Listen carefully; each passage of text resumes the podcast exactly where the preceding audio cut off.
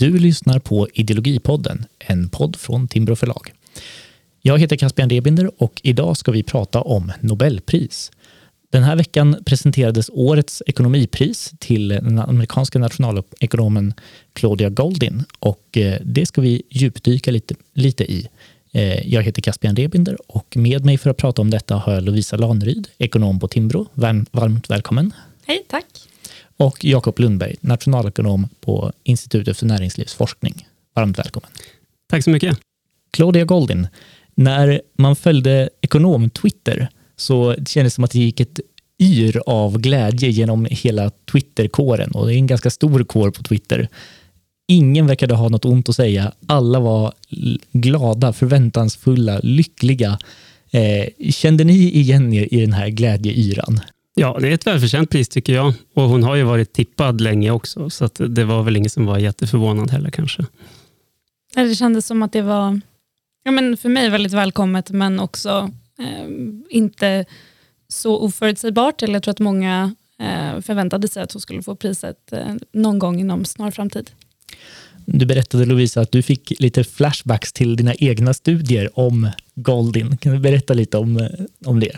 Ja, jag fick eh, flashen eh, Eh, och såg att det var Goldin som skulle få eh, Nobelpriset och blev väldigt glad. Eh, och Sen så eh, kändes det lite som att jag hade glömt bort henne, men när jag läste igenom så fick jag en, eh, ja, men verkligen en sån Flashback-känsla för att när jag pluggade på eh, Göteborgs universitet eh, och läste min sista termin i nationalekonomi så läste jag en kurs som heter LAN Economics och i den kursen så eh, fick jag och eh, en kursare till mig ansvar för att helt enkelt presentera hennes eh, mest kända papper, eh, The Power of the Pill. Hon presenterade också samma dag som priset annonserades, bara några timmar innan, ett working paper med den fantastiska titeln Why Women Won. Det känns nästan som att hon förutsåg priset. Eh, det gjorde hon förstås inte och eh, sådana här publiceringstider är lite, lite slumpmässiga men det var en väldigt lycklig slump just den här gången. Speciellt varför, rubriken. Framförallt rubriken, varför kvinnor vann och sen vann hon samma dag. Där hon tecknar en liten översikt kan man säga över eh, ett av hennes viktigaste ämnen, det som hon är mest, mest känd för, mest framstående i, eh, nämligen kvinnors arbetsmarknadsdeltagande, kvinnors roll i ekonomin, eh, jämställdhet och hur processen, eh, processen framåt har sett ut. Eh, och i inledningen där så illustrerar hon på ett väldigt slående sätt hur, hur stora steg det ändå har varit. Hon beskriver hur eh, så sent som på 1970-talet så fick kvinnor inte arbeta som lärare om de var gravida. Det var, de fick inte det. Och eh, hon beskriver hur hon med lite lättnad eller liksom, eh, känn, kunde känna den här eh, storslagna känslan av att 1974 äntligen få ett kreditkort i sitt eget namn och när kvinnor inte längre behövde ta kreditkort i sin mans namn om de var gifta. Oj. Det, det, känns, det känns fullkomligt avlägset och det är inte så länge sedan. Ungefär samtidigt som kvinnorna i Schweiz fick rösträtt. Precis, jag tänkte säga det också. Och eh, det, här, det här temat, kvinnors deltagande i samhället och ekonomin, det löper ju som en röd tråd genom väldigt mycket av det hon, de, hon har forskat om. Eh, och du nämnde Lovisa, det här, The Power of the Pill. Det är hennes mest citerade, mest uppmärksammade papper eh, och handlar om p-pillrets effekt på, på hela samhällsekonomin. Kan du berätta, hur, hur blev ett så litet piller så omvälvande för, för eh, hela den amerikanska och globala ekonomin? Nej, men jag tror att det som var viktigt som hon gjorde var att eh, hon försökte visa på sambandet som p-piller, eh, p-pillret har haft på vad kvinnor väljer eh, att studera, men framförallt också på eh, när de väljer att gifta sig. Eh, och Sen kombinerade hon båda de här eh, delarna helt enkelt och försökte lista ut hur stor påverkan själva p-pillret hade på det. Eh, och Det är väldigt intressant för att man ser ju i hennes, eh, i hennes papper att bara fem år efter att p-pillret faktiskt blev godkänt så var 45 procent av alla gifta kvinnor eh, on the pill, så att säga. Eh, och Då var det fortfarande inte tillgängligt för eh, singlar, alltså kvinnor som var ogifta. Eh, men det här eh, sker också över tid i USA, så att de olika staterna i USA liksom tillgängliggör det här för icke-gifta kvinnor i lite olika tid. Och Det får också påverkan på eh, vad man väljer att studera och när man väljer att gifta sig. Så man kan se att till exempel Massachusetts och Wisconsin är eh, två stater som är väldigt sena med det här och egentligen eh, tillgängliggör familjeplanering för eh, 18-åringar när det blir Eh, inskrivet i, eh, i konstitutionen 72. Men, men det finns eh, en väldigt, ja, men det, hon visar på väldigt intressanta samband med just att just plötsligt så skjuter kvinnors både arbetskraftsdeltagande men framförallt eh, studier i höjden. Mm. Och att de visar just att det handlar om orsakssamband. Det är ofta något som kommer igen när nationalekonomer studerar data och statistik, att man vill visa på att det är faktiskt faktorn A som påverkar det här utfallet B. Eh, och I det här fallet då att använda variation mellan delstater är ju ett klassiskt sånt sätt att titta på det. Och Då visar hon ju väldigt övertygande också att det var just p-pillret och inte någon annan faktor som råkade dyka upp där på, på 70-talet som gjorde det här. Mm. Det hade säkert varit bra för samhället om p-piller tillgängliggjordes jättetidigt för alla samtidigt. Men det är väldigt tacksamt för en ekonom att kunna titta på eh, hur snabbt kvinnors eh, förändrade studiebeteende påverkas beroende på när p-pillret legaliseras i de olika delstaterna. Så får man en fin identifieringsstrategi där. Mm.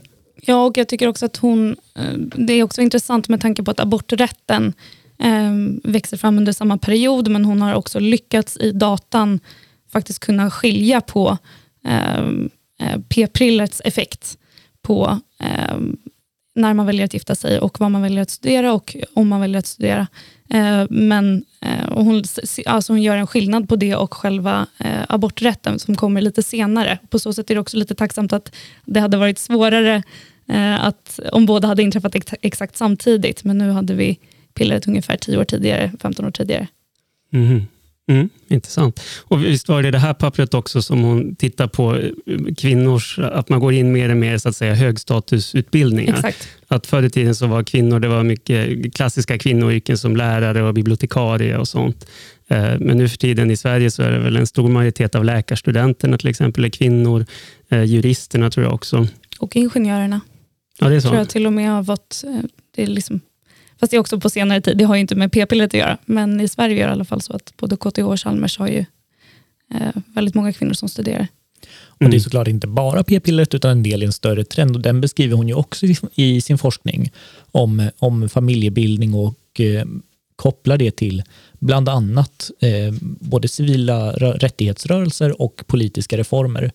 Eh, hon skriver i det här supernya pappret, eh, Nobelprisannonseringsdagspappret, så att säga, eh, hur, hur kampen för mer jämställdhet i institutionerna, alltså lagför, lagändringar snarare än kultur, eh, kulturella förändringar, ägde rum i väldigt hög utsträckning under en ganska kort period. Och man kan se väldigt snabba skiften eh, för kvinnors arbetsmarknadsdeltagande, för kvinnors eh, val av utbildning, eh, möjlighet att planera sina liv eh, i, i form av eh, både, både eh, preventivmedel och legaliseringen av p-piller men också eh, skilsmässorätten, att man fick möjlighet att skilja sig utan eh, en domstolsgodkännande eller prövning av saklig grund eh, och eh, ensidiga skilsmässor och många andra ganska stora förändringar av, eh, av lagen som gjordes.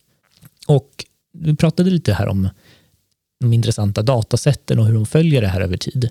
Eh, någonting som, som märks tydligt när man läser henne och som också många eh, ekonomer har lyft är att Goldin är superbra på att använda sig av jättemånga olika datakällor och datasätt samtidigt.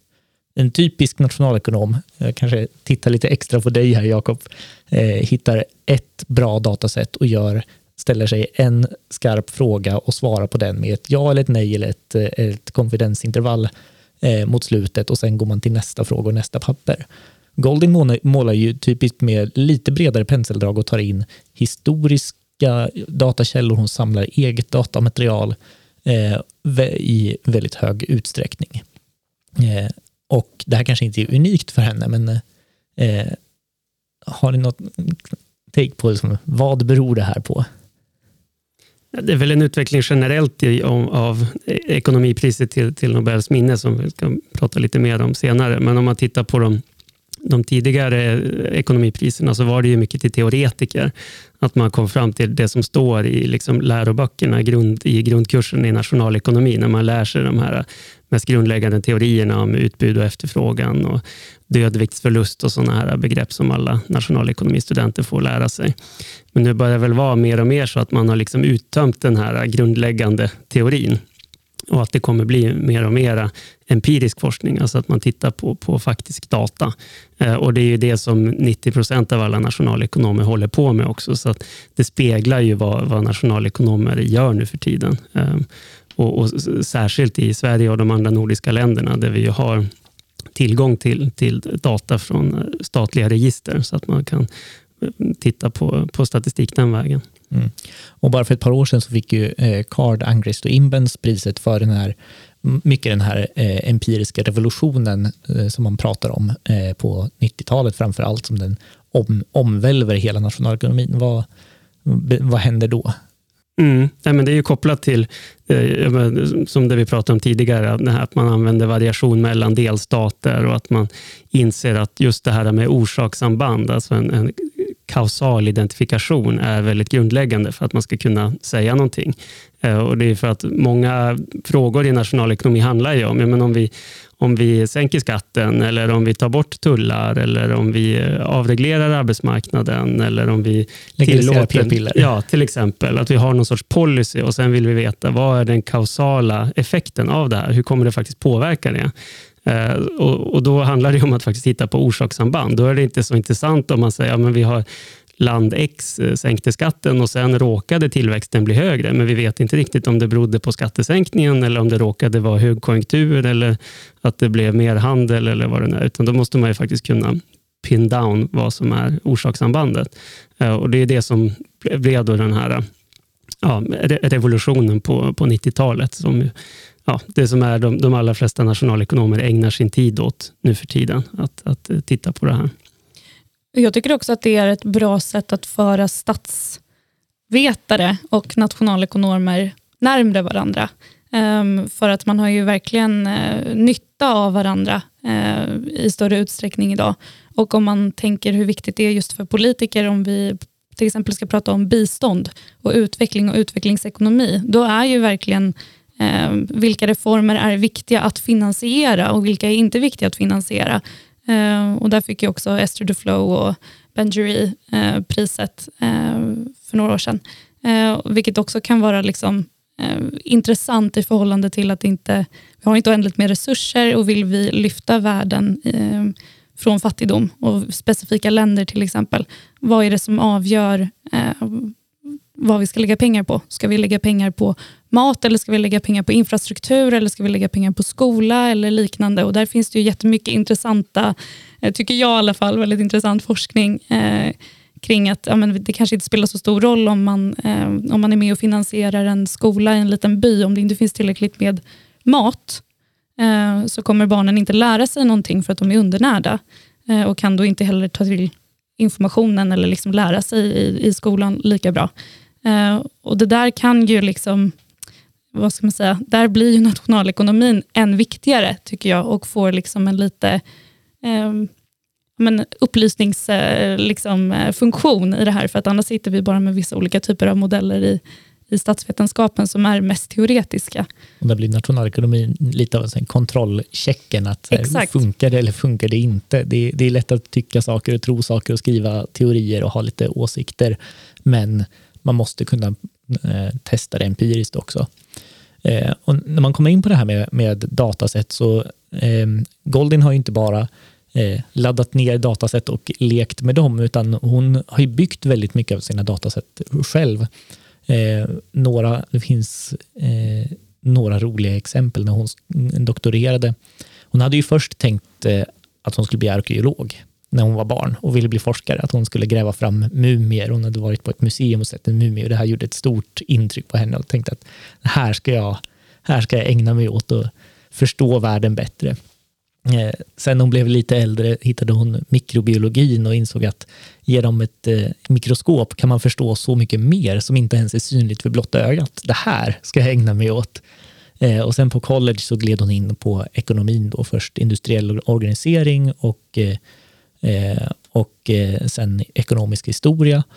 Och någonstans i hela den här resan, innan hon blir mer av en säga, vanlig nationalekonom, eh, så, så finns det ett ganska starkt drivkraft till att hitta datan och förstå datan. Att, att gräva fram och liksom, hon åkte runt, liftade mellan olika delstater i södern, Eh, bodde hos arkivarier och, eh, och grävde i deras arkivskåp och skrev ner små, små anteckningar när hon gjorde sin avhandling bland annat om eh, slaveriet i, i södern och USAs och hur det liksom påverkade USAs ekonomi, och slaveriets historia där. Ehm, hon hade inte förstått att man kunde säga, göra ut, utlägg i tjänsten och få resor betalda. Ehm, men det här gjorde också att hon kom väldigt, väldigt nära datan eh, doktorander och andra som har forskat med henne har vittnat om hur hon alltid går igenom datasättet, inte bara med en snabb ögning, utan kollar kolumn för kolumn. Vad betyder det här? Vad är det faktiskt för fråga som har ställts? Vad är källan till datan egentligen? Alltså ett väldigt säga, jordnära sätt att hantera. Eh, och kreativt, skulle jag säga. Om vi tar The mm. Power of the Pill liksom, eh, pappret som ett exempel, så tog hon ju ett dataset som var från National Health Interview Study, som helt enkelt frågade om cancerrisker. För då, redan då hade man, eh, eh, var man eh, orolig kring cancers utveckling och då ställde man i den studien så ställde man liksom en fråga kring huruvida eh, kvinnorna var, eh, käkade p-piller eller inte.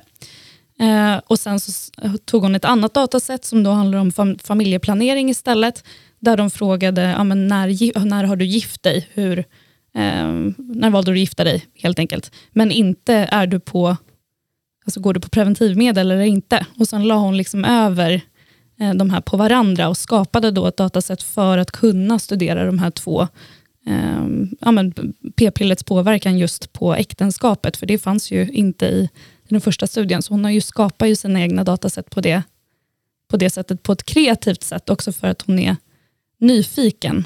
Och det tycker jag är, det är väl det som var så kul med nu att hon får Nobelpriset, att hon känns som att hon är en extremt nyfiken forskare. Utöver allt annat kan man säga att det är lite av ett pris till grundforskning. Precis. Och det är ju jättefint tycker jag, att, att det inte bara är de eh, teoretikerna som sitter, eller som empirikerna som sitter och leker med de putsade datasätten som, som vinner, utan den här faktiska ja, markarbetet, att hitta och bygga datan eh, som, som också får den, den uppskattning som det förtjänar. Jag kommer osökt att tänka på när du nämner där på, på eh, Claudia Goldins handledare på Harvard var det väl, eller University of Chicago. Eh, Robert Fogel som fick ekonomipriset 1993. Han jobbade också med här att titta på historien ur ett eh, statistiskt perspektiv, liksom ta fram siffror på eh, hur påverkar, eh, ja, han tittar till exempel på järnvägen, hur det påverkade ekonomisk tillväxt. Att verkligen siffersätta eh, historien och inte bara jobba med bokstäver som, som historiker brukar göra. Eh, så det finns ju också eh, exempel tidigare på, på eh, ekonomer som har ett, ett liknande angreppssätt. Mm. Bara ett exempel till på kreativa eh, hur man liksom kreativt kan hitta data och identifieringsstrategier när hon tittar på, Goldin tittar på hur det påverkar lönen att man gifter sig. För det här är en signal som märks eftersom arbetsgivaren ser om dess, dess anställda har en ring på fingret. Eh, och i registren kan man se vilka som är gift, gifta och då kan, man, kan Goldin då se genom arbetsgivarens ögon så att säga, vem har gift sig och när. Och där konstaterar nu i det pappret helt enkelt att eh, mäns lön går upp och kvinnors går ner av att man gifter sig. Eh, ett av, ett, ett av många väldigt spännande empiriska resultat. Eh, men jag tänker om vi hoppar från de spännande identifieringsstrategierna och kreativa datahanteringen till eh, priset som sådant. Börja med det här krångliga namnet. Sveriges riksbankspris i ekonomiska vetenskaper till Alfred Nobels minne. Är det ett riktigt Nobelpris? I praktiken är det väl det. Alltså det, det delas ut på samma ceremoni, de får lika mycket pengar. I, I prestige så skulle jag säga att det är på samma nivå. Eh, men det är klart att det, som väldigt många på sociala medier är duktiga på att påpeka, så, så är det inte ett riktigt Nobelpris i, i formell mening, utan det, det instiftades ju först 1969 då, av, av Riksbanken. Deras 400-årsjubileum var det väl. Eh, så att pengarna kommer ju inte från den ursprungliga Nobelfonden. Eh, men, men i prestige är det ju absolut ett, ett motsvarande pris skulle jag säga. Jag tycker ju själv att det här är ett riktigt Nobelpris på samma, på samma sätt som alla andra. Alla andra är ju instiftade i Alfred Nobels testamente, det är ju inte det här. Nej, det Men det. Nobelstiftelsen håller i det här priset också och har tagit sig an det och ja, ja, jag tycker att det är lite fånig nitpicking att säga att det inte är ett Nobelpris. Så hädanefter tycker vi håller oss till Nobelpriset i ekonomi. Vi gör så. Vi, vi är överens om det? Ja. Härligt. Härligt att vi har hittat lite konsensus. Eh, men det här priset, det, eh, 1969 delas det första priset ut. Sedan dess har det gått ganska många år. Många personer har, delat, eh, har tagit emot det här priset, många har delat på det. Jag har inte räknat efter, men det måste ju vara ett bra bit över ett 50-tal personer som har tagit emot det. Eh, Jakob, du som är den disputerade av oss här, eh, har du några trendspaningar? Hur har liksom prisets utveckling sett ut? Har vi sett eh, högerkantringar, vänsterkantringar? Eh, vi pratade lite om den empiriska revolutionen på 90-talet. Vad, vad mer kan man säga om prisinnehållets utveckling? Eh, ja, men om vi börjar med den politiska aspekten så skulle jag säga att eh, nationalekonomi var liksom mera politiskt polariserat förr. Alltså då hade man det man kallar för freshwater economics, som var eh, alltså, vid, vid de stora sjöarna i USA, University of Chicago, University of Minnesota och saltwater economics, som var vid kusterna och var då mera vänster, med Yale och Harvard och, och MIT och sådär. Eh, men det där har ju blivit till största delen överspelat skulle jag säga och det hänger ihop med den här empiriska utvecklingen. Att istället för att eh, drämma teorier i huvudet på varandra så, så gäller det att faktiskt veta, att faktiskt visa vad som stämmer i data. Eh, och då, då blir det ju mer av en, en empirisk fråga och det skulle jag säga är en, en positiv utveckling. Och sen mycket av den här Eh, liksom politiska uppdelningen då mellan mera så att säga, vänster på kusterna och mera höger, framförallt vid University of Chicago, då, hänger ihop med makroekonomin, alltså hur man ser på konjunkturcykler och, och den typen av variationer i ekonomin.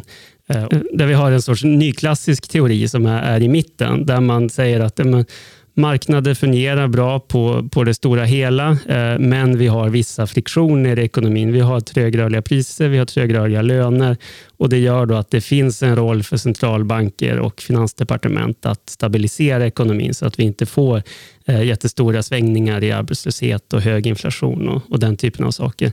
Eh, så att eh, även där så är ju liksom de, de stora eh, meningsskiljaktigheterna mellan olika skolor inom makroekonomi till största delen överspelad också skulle jag säga. Förutom kanske MMT. Men det ska vi Det inte dra. teori. Ja, nu pratar jag mainstream ekonomi. Ja, Sen finns det ju utanför det så finns det ju österrikiska skolan och det som du nämner Lovisa, modern monetary theory och sådär. Men jag skulle säga att det är ganska få inom, eh, Ja. inom de nationalekonomiska institutionerna och på centralbanker och så här, som, som tar dem särskilt seriöst. De lär ju inte få några Nobelpris, det skulle Nej. jag säga. Det, det är jag beredd att slå vad med vem som helst. som- Skulle du kalla det ett fuskpris då? Om de fick det? Nej, jag skulle Nej. tycka att det var ett väldigt konstigt eh, val av pris. Det, det, jag tror inte att det kom, någonsin kommer hända av det skälet. Eh, men skulle det hända får väl stå på barrikaden och säga att i år har de gjort fel. Ja. På sam- samma sätt det har ju protesterats mot många priser förut. Eh, i, I Sverige vid prisutdelningarna mot eh, delvis Milton Friedman, men framförallt när Friedrich Hayek fick priset Mm. 1974 så, så stod det ju stora eh, ja, demonstrationer utanför och, och eh, skanderade att eh, Hayek var en skurk och inte skulle få priset. Eh, så Han fick ju också dela det med Gunnar Myrdal. Lite konstigt. Ja. Eh, framförallt lite konstigt tycker jag, det blir lite sidospår här, men för de forskar om så olika saker. Mm de, alltså olika metoder, ja, man kan, det är klart man kan hitta någon koppling dem emellan, men det är inte uppenbart att det är de som skulle dela priset. Och här tror jag, precis som du var inne på Jakob, att förr i tiden fanns det mer av en politisk polarisering inom nationalekonomin. Och för att inte så tidigt, det här var ändå femte priset som delades ut, för att, och för att inte så tidigt få en stämpel som höger eller vänster så ville nog eh, ville nog priskommittén balansera det här och inte ge ett högerpris utan ett delat pris för två personer med lite koppling till, till varandra i sak, vad de forskar om. Med betoning på lite. Mm. Har ni några favoritpriser? Vi håller oss lite till Nobelprisets historia och gör några, några nedslag. Många. Jag skrev upp en liten lista här, men jag måste ju välja en. Du får välja ett ja. par stycken. Jag kan vara alltså, generös. Ja, men om man ska ta från liksom de tidiga, tidiga prisvinnarna eh, eh, så är det ju, i alla fall för mig, Hayek och Friedman känns ju eh, men, som klassiker. Men det är också för att de är klassiker liksom, hos Timbro. Man har läst mycket av deras eh, böcker. jag tycker väl, om jag skulle välja några från 2000-talet, att Akerlöf och Stiglitz är intressant ehm, och har ju gjort mycket spännande forskning. Ehm, och som jag sa tidigare så har ju jag eh, själv studerat utvecklingsekonomi och tycker det är ganska intressant, även om det är lite vid sidan av en liten blandning av allt möjligt. Eh, och då är ju, eh, precis som jag nämnde tidigare, Duflo, Bendery och Kramer ett väldigt intressant val och ett väldigt bra val. Jag tyckte verkligen de var förtjänta av det priset. Mm. Och se Jakob, du har beskriva för poddlyssnare här, skrivit ut listan med alla Nobelpristagare och satt små hjärtan bredvid dina favoriter. Vilka har fått hjärtmarkeringar från dig? Ja, det blev ett par stycken. Eh, jag måste väl börja med att säga James Merleys eftersom han är i mitt fält, alltså optimal inkomstbeskattning. Han fick priset 1996 eh, för då metoder för att helt enkelt räkna ut vad är den, den optimala skatteskalan givet då hur man ser på fördelningspolitik och Eh, också hur, hur folk eh, svarar på beskattning helt enkelt, vad vi får för incitamentseffekter. Så det var väl ett, ett välförtjänt pris. Eh, sen är jag också lite svag för finanspriserna. Alltså det finns väldigt mycket teorier inom finansiell ekonomi som har fått priser. Mm. Ja, och jag, jag, tycker att de, det finns en väldigt fin underliggande teori i de här. Alltså det, det, det är väldigt rigorösa sätt att att eh, visa till exempel Franco Modigliani som fick priset 1985. Eh, det finns något som heter Miller-Modigliani-teoremet som visar att det spelar egentligen ingen roll i en teoretisk värld om ett aktiebolag finansierar sig med lån eller med eget kapital. Eh, jag tycker också att Eugene Fama som fick priset här för ett par år sedan för den, den effektiva marknadshypotesen Alltså att marknader är, är, är effektiva i den meningen att de priserna avspeglar den information som finns tillgänglig. Och, och då pratar vi finansmarknader, alltså mm, aktiebörser och så vidare. Eh, så de är jag också lite svag för. Eh, men eh, ja, sen Douglas North 93, även om man får nämna också, som delade då med Robert Fogel som vi pratade om tidigare. Och, också då eh, pratade om ekonomisk historia och institutionernas betydelse. Alltså institutioner som äganderätt och, och eh, välfungerande eh, regleringar och välfungerande marknadsekonomi och sådana saker. Borde man läsa de här? Det är, det är lätt att här, rabbla sina favoriter när man är ekonom och nördig i det här, men för, hur mycket mer av samhället förstår man av att ta sig an nationalekonomer jämfört med om man läser historia, filosofer, politik, romaner? Nästan en ledande fråga, för jag sitter här mm. med två ekonomer i en podd från Timbro. Men, men jag är uppriktigt nyfiken här på vad, vad, är, vad är det stora värdet av att läsa nationalekonomer? Mm. Med risk för att och, eh, liksom säga emot vad jag sa tidigare i podden, så tycker jag ju att delvis den här empiriska utvecklingen mot liksom stark empiri i priset är ju, på ett sätt kan ju också vara lite utestängande för de som kanske inte är bäst, bäst, bäst på ekonometri. Nu är det så liksom fältet har utvecklats, men eh, det kan ju också göra att många som kanske inte eh, är så bra på själva ekonometridelen eller liknande väljer bort ämnet nationalekonomi. Kanske väljer att tycka att ja, men det här är för svårt för mig att förstå eller eh, jag behöver vara väldigt duktig på matte för att jag ska kunna förstå nationalekonomi. Och där tycker jag ju att det har varit väldigt eh, eh, alltså givande att, nu har jag ju läst nationalekonomi, jag hade ju ett ganska bra betyg i ekonometrin, men jag tycker att eh, det finns ju ett värde av att läsa nationalekonomin som teori. Alltså, och Då tycker jag att i så fall ska man kanske börja just med Hayek eh, och liknande som förklarar ekon ekonomin och nationalekonomi på ett sätt som det är väldigt svårt för liksom, empiriska forskare att göra idag. Det handlar ju väldigt mycket om de här kausala sambanden och de är ju värdefulla på det sätt som vi pratade om dem tidigare. Men för att förstå hur samhället utvecklas över tid, vilka värden som kanske är viktiga, eh, ska man ha en planerande stat eller inte och liknande, eh, så behöver man ju påminna sig och då är det ju också de här teoretikerna tycker jag som, som kan fylla en funktion för en för att man inte heller ska känna att nej, nationalekonomi för, svårt eller inte, lirar inte med eh, om jag läser IR eller eh, filosofi eller eh, statsvetenskap. Och vi behöver ju knyta nationalekonomin närmare de andra mer humanistiska ämnena, tycker jag i alla fall. Men då, mm. då får jag passa på att bara delvis instämma med dig där. Att, eh, för den, den, som vill förstå samhället bättre så är nationalekonomi tycker jag är ett väldigt viktigt verktyg.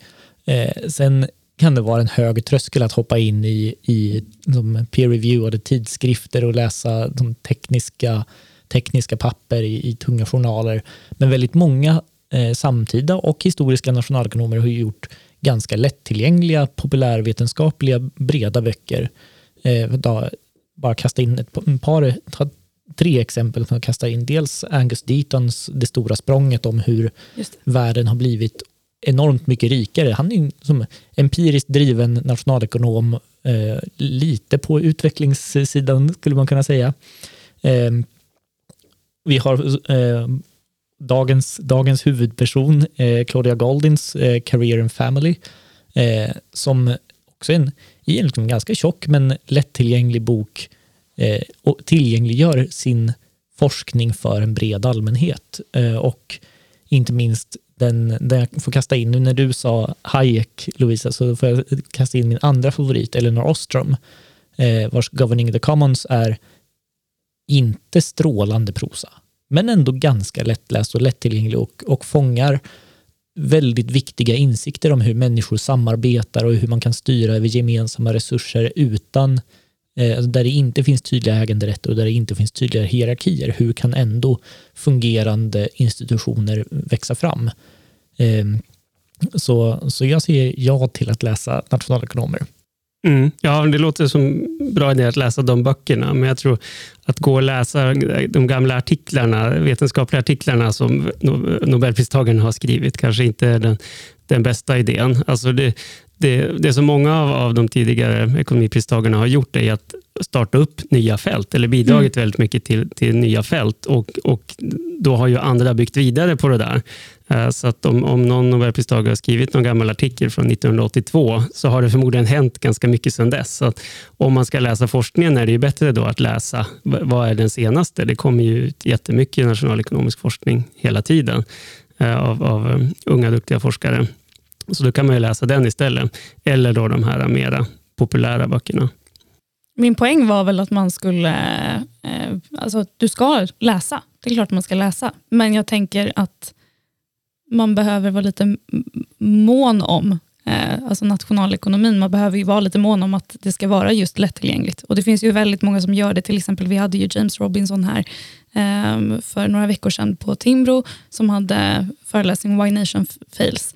Och det är ju ett, en superutsåld bok eh, runt om i världen. Eh, och han är ju också ekonom från början. Eh, så det finns ju lättillgängligt, men jag tror att eh, vad gäller det som man läser, jag är väl den som kanske har pluggat här närmast tror jag, av oss tre eh, på universitetet och där blir det ju väldigt snabbt väldigt tungt och många ger upp. Och Det är väl liksom någonting som oroar mig, att eh, man ska inte vara rädd för nationalekonomin, men man behöver nog också ehm, också förstå att nationalekonomi är mer än bara just allt eh, det empiriska och ekonometrin, utan det är ju verkligen riktiga idéer och politik i det som är jäkligt intressant och som behövs som komplement till Eh, och många andra fält inom akademin. Förstår ni då vad jag menar mer? Ja, absolut. Jag tror eh, det, det känns som att vi även här har en konsensus om att man, man bör läsa. Eh, man behöver kanske inte läsa det mest tekniska och man ska inte heller avskräckas av att som det är klart att de tekniska bitarna ofta är svårgenomträngliga. Det är nästan poängen, höll på att säga. Det är åtminstone den riktar sig till en smalare målgrupp. Men om man hittar eh, lite bättre, lite liksom bättre anpassade, mer breda, lättillgängliga verk så är det toppen för en bättre förståelse av världen. Och ganska många lästips har ju den uppmärksamma lyssnaren fått från oss redan nu. Eh, vi ska strax börja runda av det här samtalet. Eh, ska vi avsluta med någon framtidsspaning? Vem, vem eller vilka hoppas ni får priset i framtiden för att bygga vidare på det här stolta arvet av Nobelpriset i nationalekonomi? Alltså jag kommer 100% säga pass. För att varje gång jag försöker lista ut vilka som ska få det, eh, och vanligast är väl kanske att man försöker gissa på litteraturpriset, eh, så eh, misslyckas jag. Så jag vågar inte säga någonting. Men det behöver inte vara en, en gissning om vem som kommer få det, utan en förhoppning om vem som borde. Mm. Nej, man måste, vi måste inte ha svar på den frågan allihop. Men Jakob har nog en idé, eller? Ja, jag har haft samma gissning i tio år nu, så jag kan ju fortsätta köra den till, tills han vinner. Och, och, det är Robert Barrow, uh, som är, uh, han har forskat bland annat på um, effekten av statsskulder. Uh, och vad är egentligen skillnaden mellan att ta ut skatt och finansiera statens utgifter eller att lånefinansiera statens utgifter? Det innebär att man måste ta ut högre skatt någon gång i framtiden. Och om folk då inser det och sparar mer, då spelar det absolut ingen roll eh, när man tar ut skatten. så att säga. Och Det tycker jag är en, eh, en intressant insikt från honom. Han har gjort mycket annan forskning också, men jag tycker det hade varit välförtjänt. Och jag som eh, samhällsvetare men internationalekonom tycker jag om de, de genreöverskridande priserna och eh, hoppas lite på Joel Moker som är ekonomhistoriker, idéhistoriker och nationalekonom och skriver mycket om hur kultur och, eh, hur kultur och institutioner samverkar för att skapa tillväxt, bland annat. Ja, han är, det, det är nog en bra gissning. Åtminstone en förhoppning. Ja. ja. Det var kul. Vi får fira ytterligare ett pris i år och eh, får vi se vem som tar hem det ett år från nu. Tack för att ni har varit med och pratat om Claudia Goldin och Nobelpriset och tack till alla som har lyssnat. Tack. Tack, tack.